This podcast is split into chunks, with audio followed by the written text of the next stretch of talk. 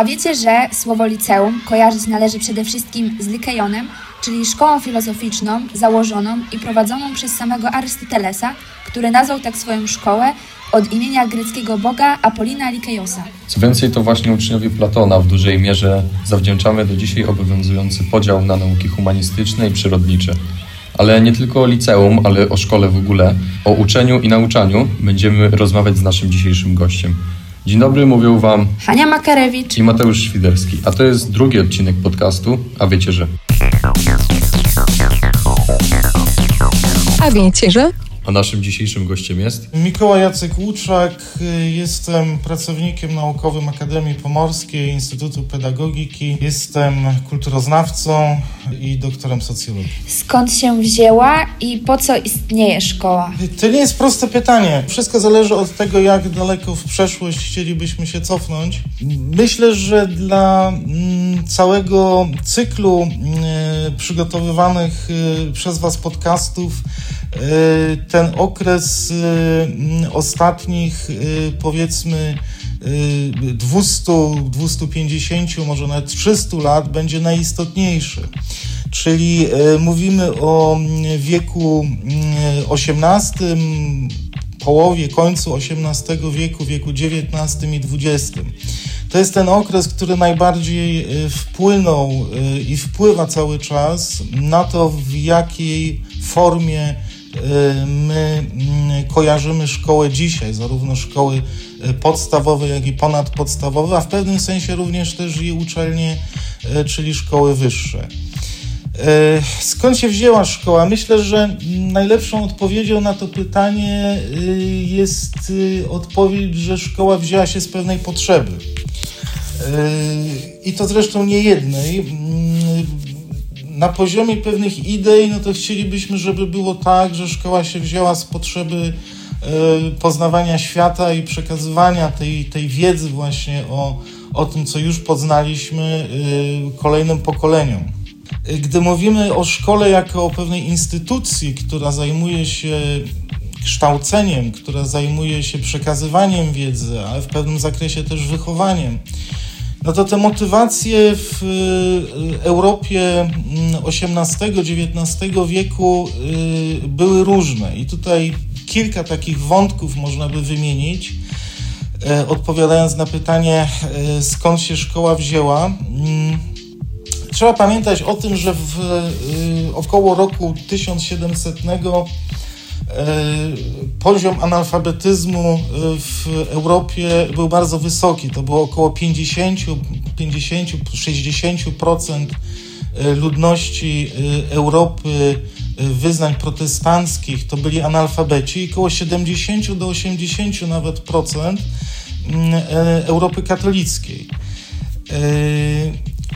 W 1850 roku, y, kiedy już y, zaczęto y, wdrażać ideę szkolnictwa, takiego szkolnictwa powszechnego, takiego szkolnictwa, które mm, właśnie od szkoły elementarnej by się zaczynało, no to mieliśmy już około 30, 33, 35% mm, ogółu y, mieszkańców, którzy byli analfabetami, więc tutaj widzimy już pewien po- postęp.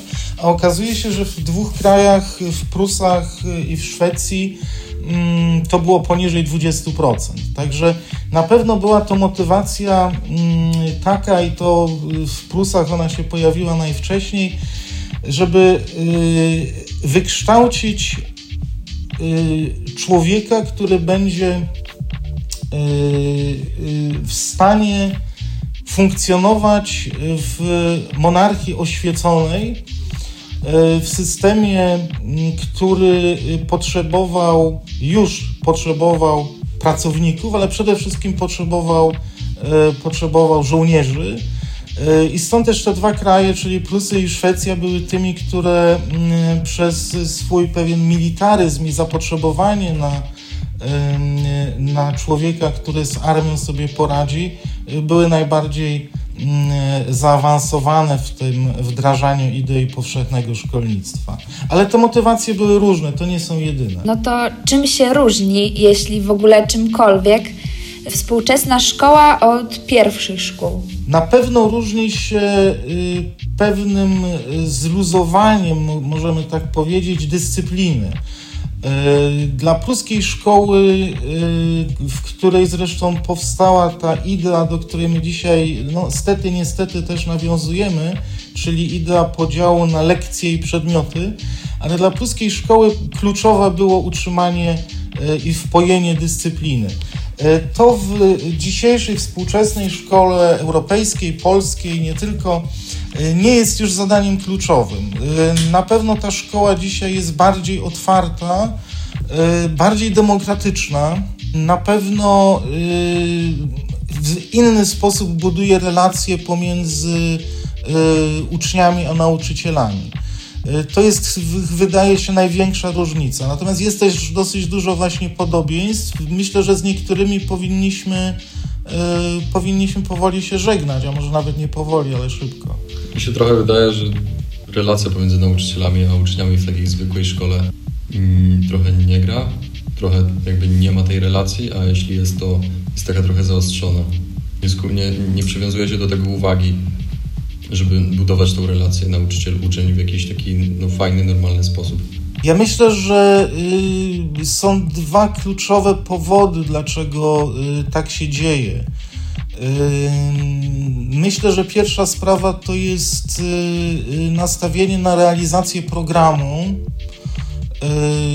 który takiego programu związanego z przekazywaniem wiedzy i jednocześnie, jeżeli ta wiedza jest przekazana, no to trzeba sprawdzić, czy jest dobrze przekazana. Y, jakieś idei właśnie y, uczenia się nadal na, na pamięć pewnych rzeczy i niestety bez kojarzenia faktów z tych różnych obszarów, z tych różnych przedmiotów.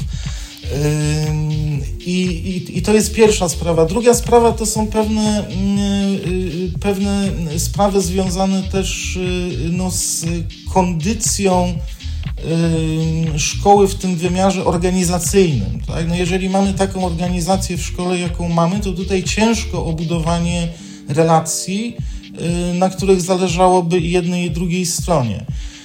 Tak mi się wydaje. A według Pana da się to zrobić? Da się zbudować przyjacielską relację? Myślę, że tak. Myślę, że tak. Yy, zresztą mamy takie, yy, takie przykłady. Yy, o nie jest, wydaje się, łatwiej, jeżeli chodzi o szkoły, o szkoły niepubliczne, ze względu na to, że one próbują się, próbują gdzieś tam uciec pewnym rygorom, chociażby rygorom podziału na przedmioty właśnie i lekcje i dzwonki, i kartkówki, i sprawdziany. Czyli jeżeli będziemy powoli odchodzili od tej, y, od tej takiej biurokratyzacji, która y, i, i, i takiej, takiego sproceduralizowania tego całego procesu uczenia, to będzie zdecydowanie lepiej. No to jest ten spadek po epoce pruskiej szkoły, czy tego pruskiego modelu. On wówczas, gdy powstawał, był czymś nowatorskim, był czymś, czymś dobrym. Natomiast dzisiaj no, nie, nie o to chodzi, nie, nie o to chodzi w szkole. Wydaje mi się, że, że, że są takie możliwości, jak najbardziej. Generalnie szkoła y, zazwyczaj nie jest czymś, z czym, z czym uczniowie chcą się jakoś utożsamiać czy identyfikować. E, no i wydaje mi się, że większość osób sądzi, że szkoła nie decyduje o ich, o ich przyszłości i o ich życiu, więc jaka, by, jaka, jaka powinna być szkoła, aby jej istnienie miało jakiś sens i, i znaczenie dla uczniów? To jest trudne pytanie. Yy, tak często odpowiadają politycy, więc ja też tak odpowiem. Yy, bo szkoła jest też, czy wizja szkoły, konstrukcja szkoły, tego całego systemu, w którym, yy, w którym i dorośli, i dzieci, i młodzież funkcjonują, jest też kwestią polityczną. Jest to też kwestia ekonomiczna. Edukacja kosztuje. Jak to zrobić, żebyście wy jako uczniowie, jako młodzi ludzie z nami, mówię z nami, ponieważ ja jestem też nauczycielem, chociaż akademickim, ale myślę, że niedługo będę też nauczycielem, nauczycielem szkolnym, że tak powiem, żebyśmy czuli się w tej szkole dobrze, żebyście wy się czuli w tej szkole dobrze. Wydaje mi się, że kluczowa sprawa to jest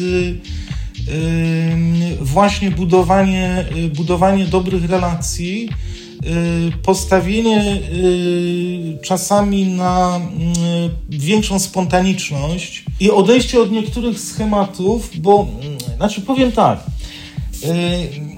Schematy biorą się z pewnych wypracowanych modeli działania. I to nie, to nie znaczy, że każdy schemat jest czymś, jest czymś złym. E, mogą być schematy, mogą być modele, które gdzieś tam wynikają z przeszłości, e, które przy pewnych modyfikacjach całkiem nieźle mogą się sprawdzać. I, i, i podam taki przykład, no gdybyśmy się zastanawiali, w jaki sposób można uczyć mm, takiego przedmiotu jak historia. No, czy można uczyć historii niechronologicznie? No można próbować, tylko y, osobiście jestem y, sceptykiem odnośnie tego, jak to się uda. No bo historia się nabudowuje, tak? Czy można podejść troszkę inaczej na przykład do uczenia geografii, fizyki, chemii? Tak, tutaj już można podejść troszeczkę inaczej. Oczywiście e, pewne treści nabudowują się na te wcześniejsze, które, które ludzie już znają, rozumieją i z którymi sobie radzą, ale tutaj można podejść do tego w sposób czy to bardziej projektowy, e, czy połączyć różne przedmioty w bloki tematyczne. To jest dużo ciekawsze. Może nie mniej teorii, a bardziej po prostu więcej praktyki i teorii można. Tylko pytanie, co rozumiemy przez tą praktykę i teorię, bo mm, od pewnego czasu, zresztą to dotyczy nie tylko szkoły podstawowej, średniej, ale też y, studiów wyższych, dosyć dużo się mówi o tym, że powinniśmy postawić bardziej na praktykę. Tylko jest pytanie, co to znaczy. Żeby móc realizować pewne praktyczne zadania w obszarze różnych dyscyplin, czy no, nazwijmy je tymi przedmiotami, chociaż ja nie lubię tego określenia, żeby móc y, realizować jakieś zadanie, to trzeba wiedzieć, jak to zrobić. Trzeba odnieść się do pewnej wiedzy teoretycznej, jest pytanie, czy wszystko trzeba pamiętać. W czasach, kiedy mamy dosyć swobodny dostęp do y, informacji o charakterze teoretycznym, czyli pewne rzeczy możemy po prostu sprawdzić, to nie wszystkiego trzeba się uczyć na pamięć. Kiedyś to było bardziej uzasadnione, dzisiaj wydaje się, że nie. Natomiast y, pewna podbudowa taka teoretyczna jest potrzebna do tego, żeby móc coś zrobić. Oczywiście, czy można się uczyć teorii, przygotowując jakieś praktyczne zadania, projekty, eksperymenty? No tak, no to jest dużo ciekawsze, tak?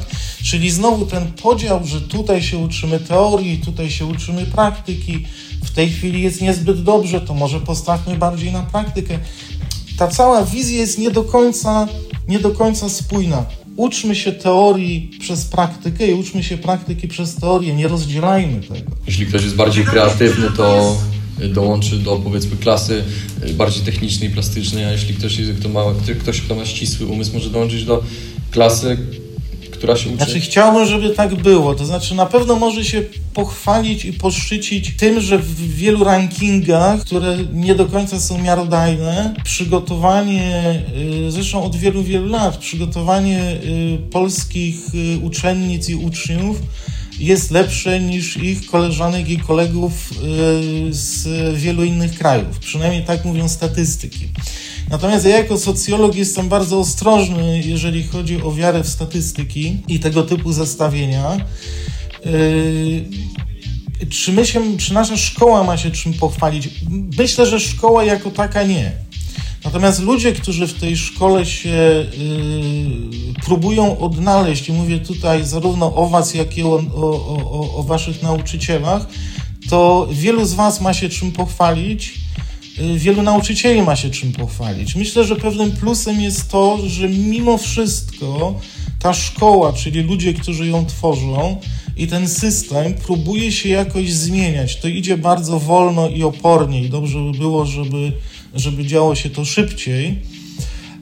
No ale do tego są potrzebne pewne decyzje właśnie o charakterze politycznym też. Tak? Natomiast ta szkoła polska jest w procesie ciągłej zmiany. Wiele z tych zmian takich organizacyjnych nie jest specjalnie zmianami dobrymi, czy ja je tak przynajmniej oceniam. Natomiast samo nastawienie na to, żeby dążyć ku, pewnym, ku lepszym rozwiązaniom, y, jest czymś, co należy pochwalić. No to powiem tak ostrożnie bardzo. Dlaczego w szkole uczymy się przedmiotów, tych, których się uczymy? Dlaczego więcej jest na przykład matematyki niż WF-u czy plastyki? Czy pańskim zdaniem y, w szkole powinna być filozofia, czy może raczej nie?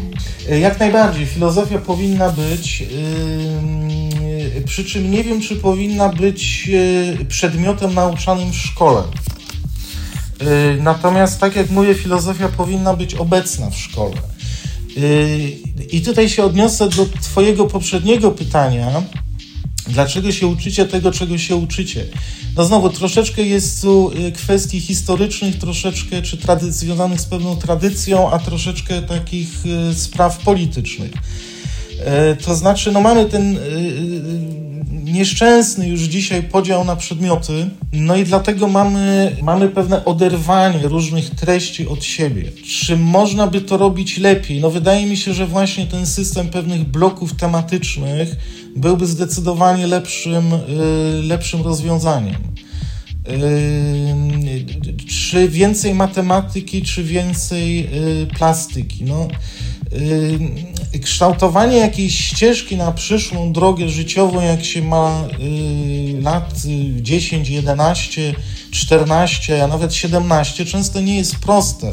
Czasami nie jest łatwo wybrać, który z tych przedmiotów obstawiać bardziej, no ale na tym polegałaby rola nauczyciela czy pedagoga, y, żeby wspólnie z Wami odkrywać y, na podstawie Waszych zainteresowań, Waszego potencjału, czy będziecie się lepiej odnajdywali w czymś, czy w czymś innym, czy coś Was interesuje bardziej, a coś mniej. Może się okazać, że ktoś uchodzi za kiepskiego z matematyki, ale przy innym sposobie Y, uczenia i to mówię wspólnego uczenia, bo to niekoniecznie musi być tak, że was ktoś czegoś nauczy albo wy się sami nauczycie. No jeżeli chodzicie do szkoły, no to chodzi o to, żeby y, nauczyciele też wspólnie z wami się pewnych rzeczy uczyli. Y, myślę, że przy innej organizacji no da, się, da się z kogoś, kto ma mm, takie poczucie, że nie jest za mocny z matematyki, da się zrobić matematyka. Czy zawsze? No pewnie nie zawsze. Natomiast y, y, dlaczego, się, dlaczego jest więcej matematyki, a, a, nie plastyki, albo, albo biologii jest więcej niż czegoś tam innego? No to wynika właśnie z realizacji jakichś tam programów odgórnie narzuconych. Pewne programy są konieczne, tak? No bo pewien zasób wiedzy y, w szkole trzeba zdobyć. Natomiast ja mam dużo wątpliwości, czy on jest właściwie dobierany, konstruowany, czy te programy nie są przeładowane no i gdyby się udało odejść od takiego szatkowania świata, rzeczywistości, wiedzy e, na kawałeczki, tutaj taki przedmiocik, tu inny przedmiocik, to może łatwiej by było na pewne rzeczy patrzeć wspólnie, łatwiej by się i ciekawiej było ich uczyć i odnaleźć to, co ludzi naprawdę interesuje. Myślę, że to jest jakieś rozwiązanie.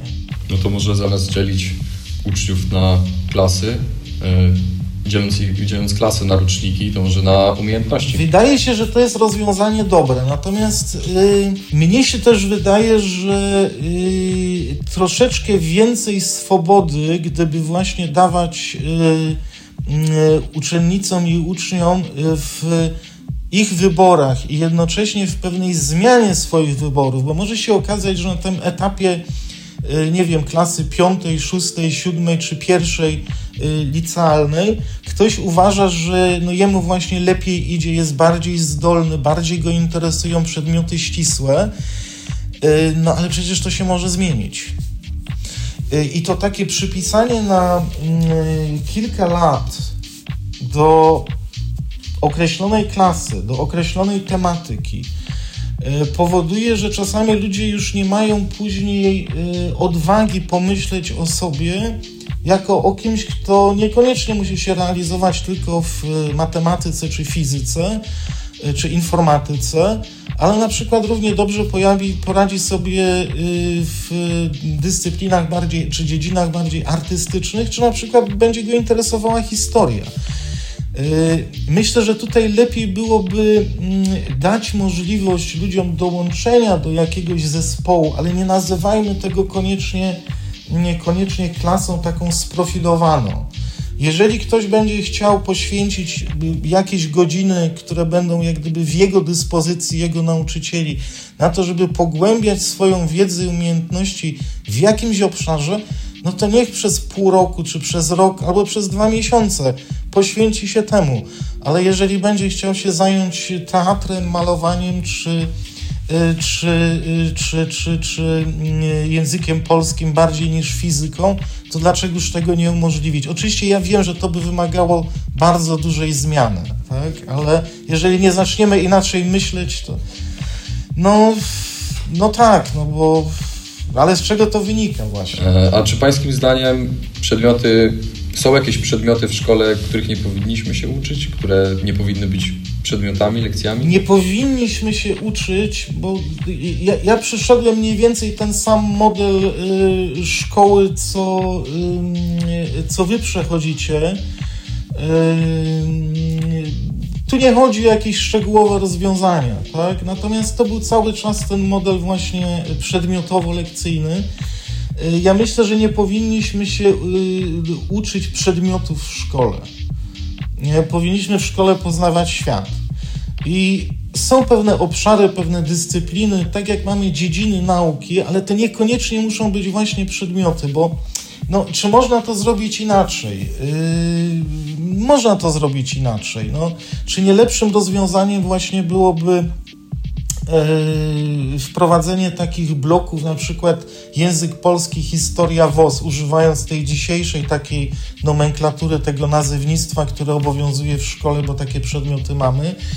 Yy, czy, czy, czy nie lepiej by yy, było uczyć się nie pojedynczych przedmiotów, Nieciekawie byłoby się y, uczyć o prawie powszechnego ciążenia Newtona, y, przy okazji dowiadując się, że w czasie, kiedy, kiedy Newton był dzieckiem, to akurat na terytorium Rzeczpospolitej trwało powstanie Chmielnickiego, które później Sienkiewicz opisał w Ogniem i Mieczem, gdzie możemy oglądać w tym Ogniem i Mieczem Tuchej Beja z tym, z tym Chmielnickim, którego Matejko namalował E, gdzieś tam e, pod koniec XIX e, wieku. To byłoby naprawdę dużo, dużo bardziej inspirujące. No i, i, i tak przeszliśmy od Newtona gdzieś do, do XIX wieku. Wiedza nie jest i świat nie jest podzielony na kawałeczki. Więc czy w tej chwili są jakieś przedmioty, których nie powinno być?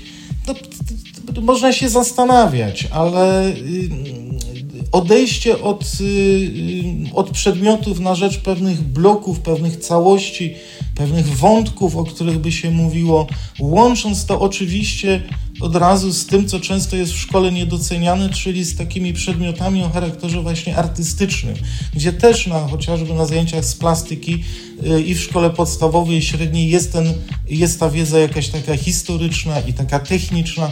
Mogło to wszystko być dużo fajniejsze, dużo ciekawsze i dużo bardziej inspirujące. Technologia w sumie idzie do przodu cały czas, wszystko się zmienia, więc czy sądzi Pan, że nauczyciela może kiedyś zastąpić robot czy jakaś inna forma sztucznej inteligencji?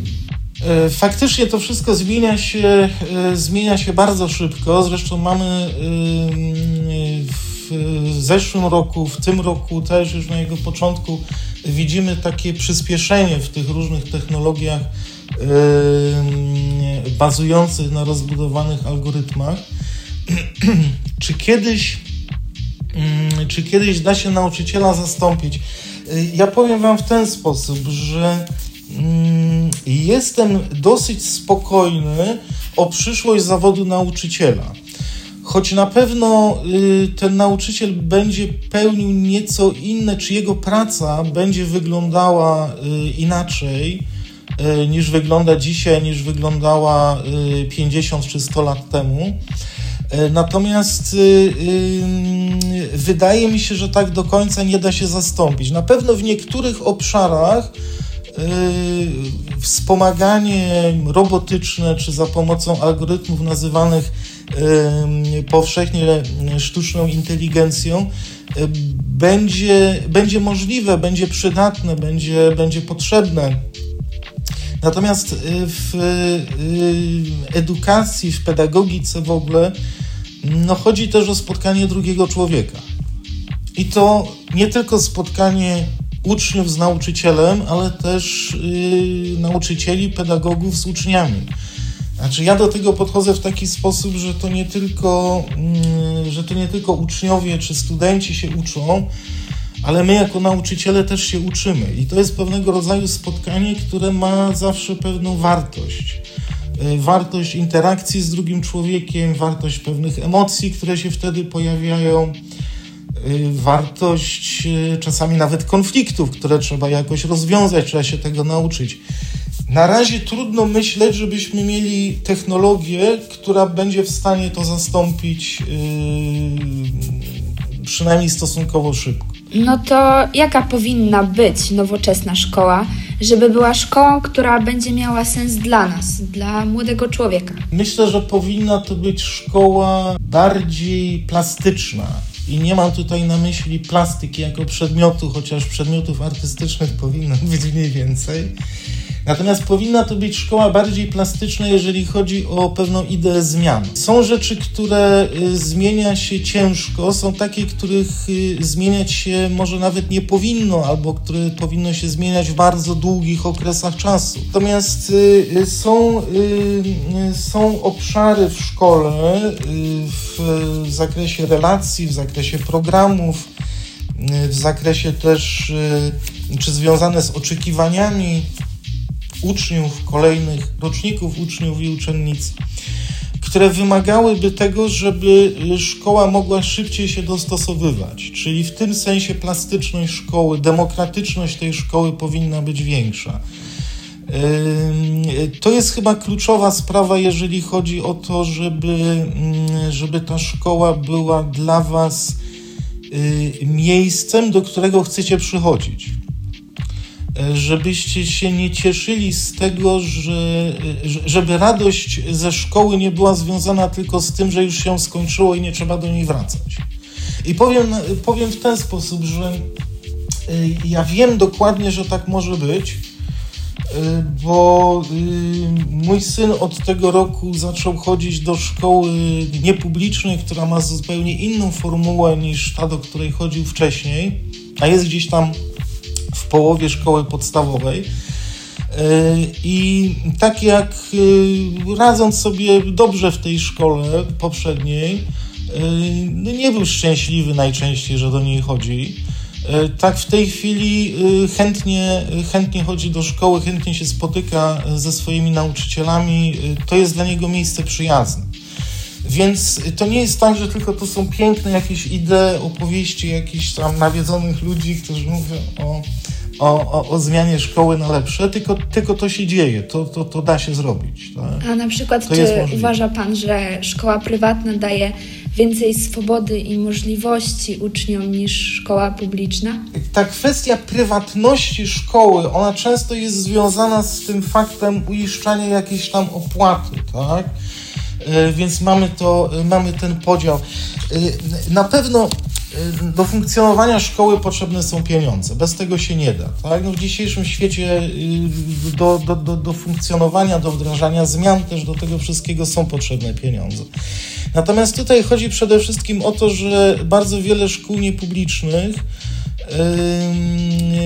próbuje postawić na co innego niż musi stawiać szkoła, y, szkoła publiczna. Szkoła publiczna przede wszystkim musi stawiać na to, żeby nie tylko realizować program, co też musi robić szkoła niepubliczna, ale żeby zmieścić się w bardzo takich rygorystycznych ramach narzucanych gdzieś tam przez kuratoria, narzucanych przez przez ministerstwo, e, narzucanych przez to, że relacje w tej szkole tradycyjnej właśnie są tradycyjne i ciężko je zmienić. Szkoły niepubliczne mogą sobie pozwolić na to, żeby pewne rzeczy budować od początku, od zera.